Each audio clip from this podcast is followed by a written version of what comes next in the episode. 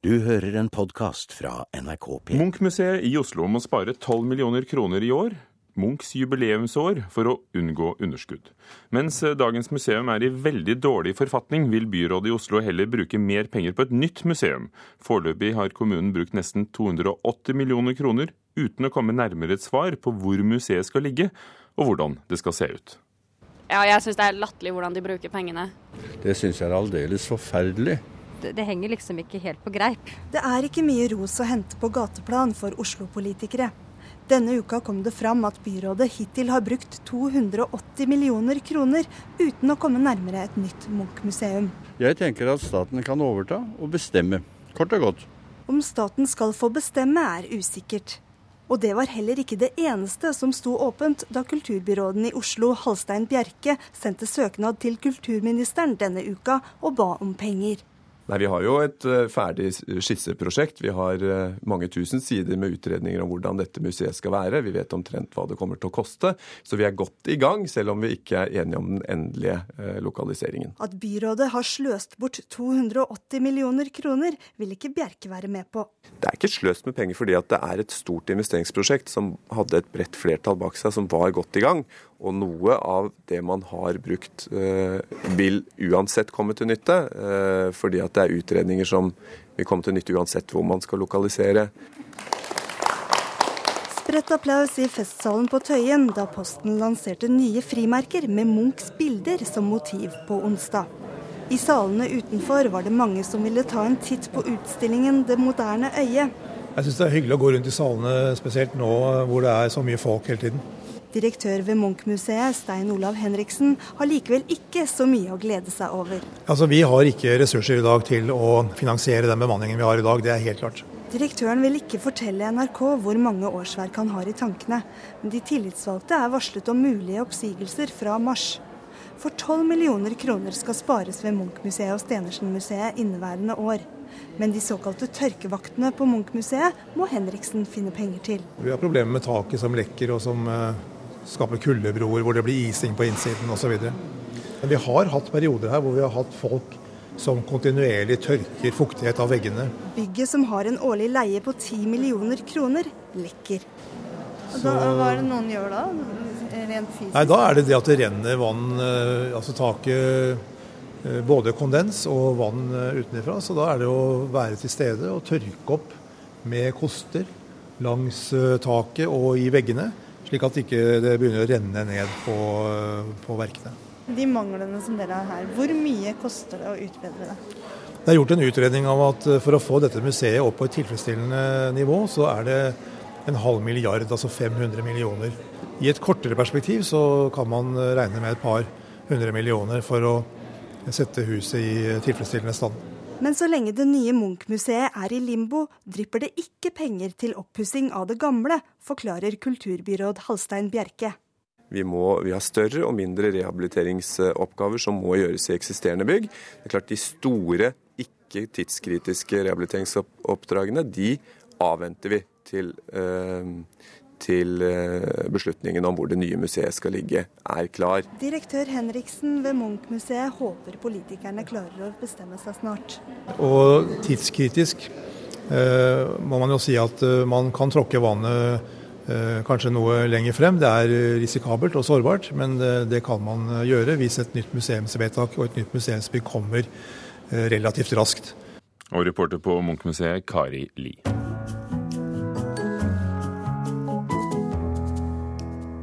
Arbeidsledige kunstnerspirer og handlingsklare politifolk dukker ofte opp i norske spillefilmer. Hvor er de troverdige rollefigurene de med vanlige jobber, spør filmviter Audun Engelstad. Filmskaperne må løfte blikket og vise bredden i det norske arbeidslivet, mener han, mens en garvet produsent mener at det kan bli kjedelig. En Big Mac her? En Big Mac her. En Big til. Gjennom frityrlukta og en McDonald's i Oslo værer regissør Sara Johnsen dramatikk i lufta. Hun har lenge drømt om å lage spillefilm fra det hektiske miljøet på en hamburgerrestaurant. Ser for meg at det kan være veldig mye eh, som foregår mens de jobber mellom de ansatte. Fordi de jobber litt sånn raskt og mekanisk, så, og de samarbeider, Tenk deg hvis han som lager hamburgerne er veldig forelsket i hun som tar imot bestillinger f.eks. Og så kan de kommunisere på tvers av bestillingene som kommer. Og... Det er ganske vanlig, da. Faktisk. Så mange av de ansatte forelsker seg over hamburgerhylla at McLove har blitt et begrep, bekrefter Lina Nygren bak kassa. Hun er enig i at arbeidshverdagen hennes kunne blitt en bra film. Det hadde nå vært spennende, tror jeg. Det hender så mye her hele tiden. Men stort sett frister ikke folks hverdag på arbeidsplassen norske filmskapere, sier Audun Engelstad, førsteamanuensis i film- og fjernsynsvitenskap ved Høgskolen i Lillehammer. Uten å ha gjort noen opptelling, har han et klart inntrykk av at vanlige jobber er påfallende fraværende i norske filmer. Det er typisk politiyrker. Kanskje en annen sekretær, kanskje en annen sykepleier. En lege, muligens. Men de stopper ofte ved de veldig, veldig tradisjonelle yrkene. Det er ikke det at de nødvendigvis ikke har et yrke, men den siden kommer ikke til uttrykk. Vi ser dem sitte foran eh, en pult, men det, vi har ikke anelse hva slags oppgaver de utfører. Det kunne like gjerne vært det ene som det andre. Kanskje det, norsk film kan virke litt steril. Folk lever et slags vakuum, i et dramatisk vakuum. Det er liksom ikke noe kobling mellom den karakteren og det samfunnet vi bor i, og det, det burde vi skjerpe oss på.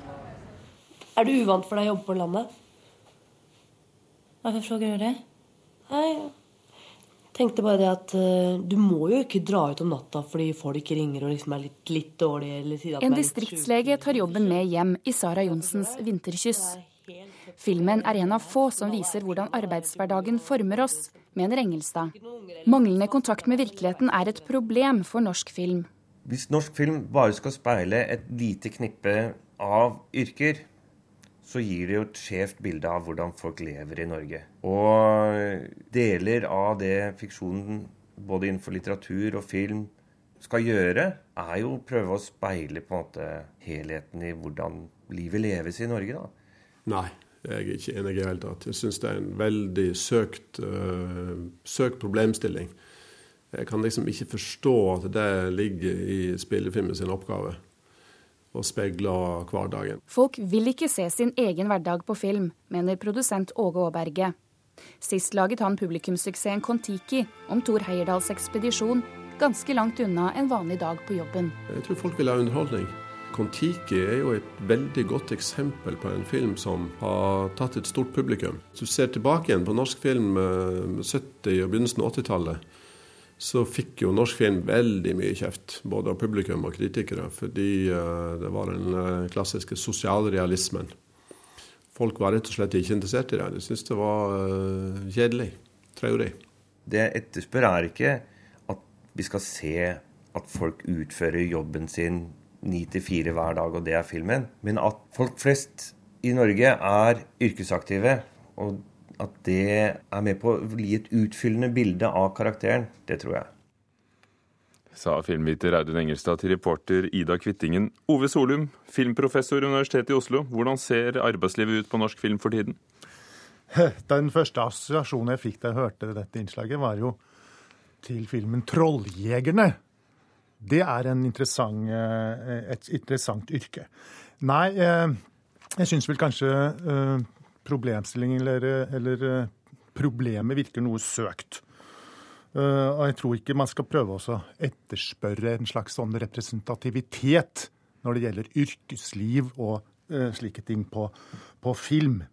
Det er vel sjelden at man går på kino for å se et yrke.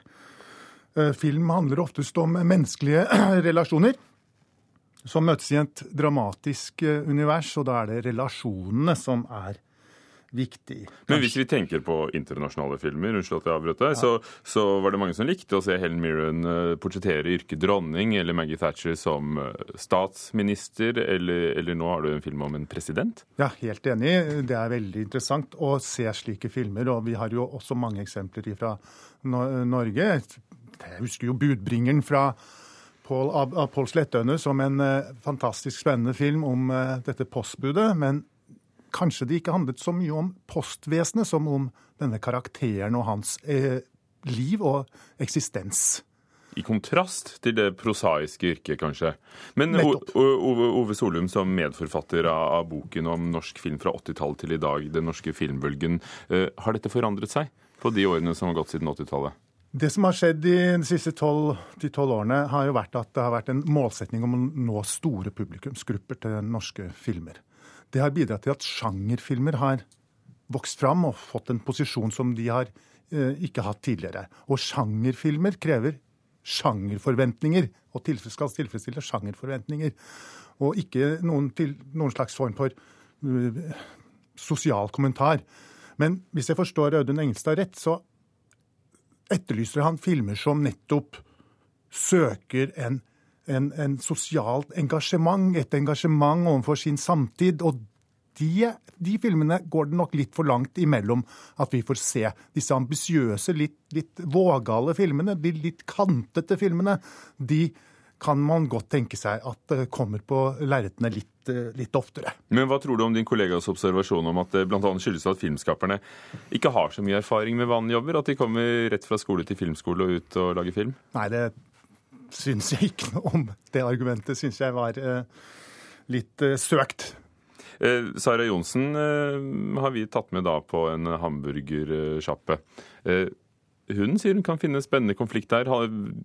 De kan vel finnes hvor som helst? Slike konflikter kan jo finnes uh, helst. hvor det er en god manusforfatter og regissør? Ja, Du kan jo tenke på din egen arbeidsplass. Jeg tror at det kan være mye å hente herfra også når det gjelder å skape uh, dramatikk og, og, sosiale eller menneskelige relasjoner som det er interessant å, å, å lage film av. Så den, ditt, de er overalt. Men ditt poeng, som nærmest er filmpolitisk, at norsk film skal nå flere, og derfor blir det mer sjangerfilm, har det ødelagt for nettopp de kantete filmene du etterlyser? Det kan se sånn ut, ja. Takk skal du ha. Ove Solum, filmprofessor ved Universitetet i Oslo, og som bl.a. har skrevet om norsk film gjennom tidene.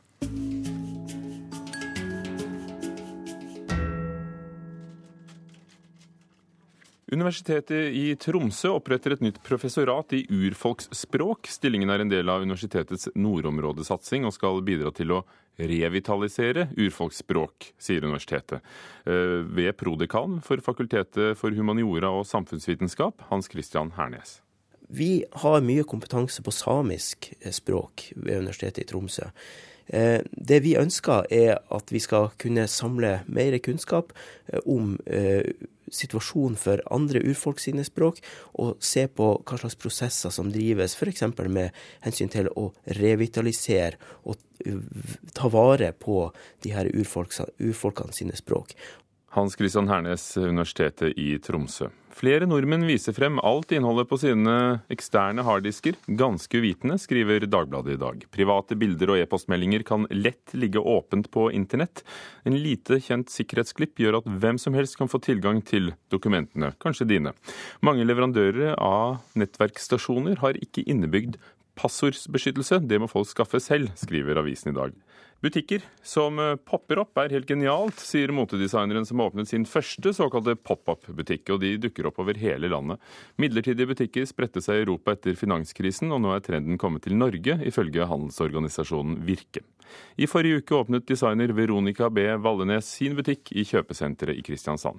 Det var nå litt, det var noe litt stusslig. Ja, ja, men det er jo egentlig et godt, det er ikke godt å høre det, da. En litt skuffa kunde idet hun finner ut at denne butikken bare er midlertidig. Det syns jeg var litt vondt.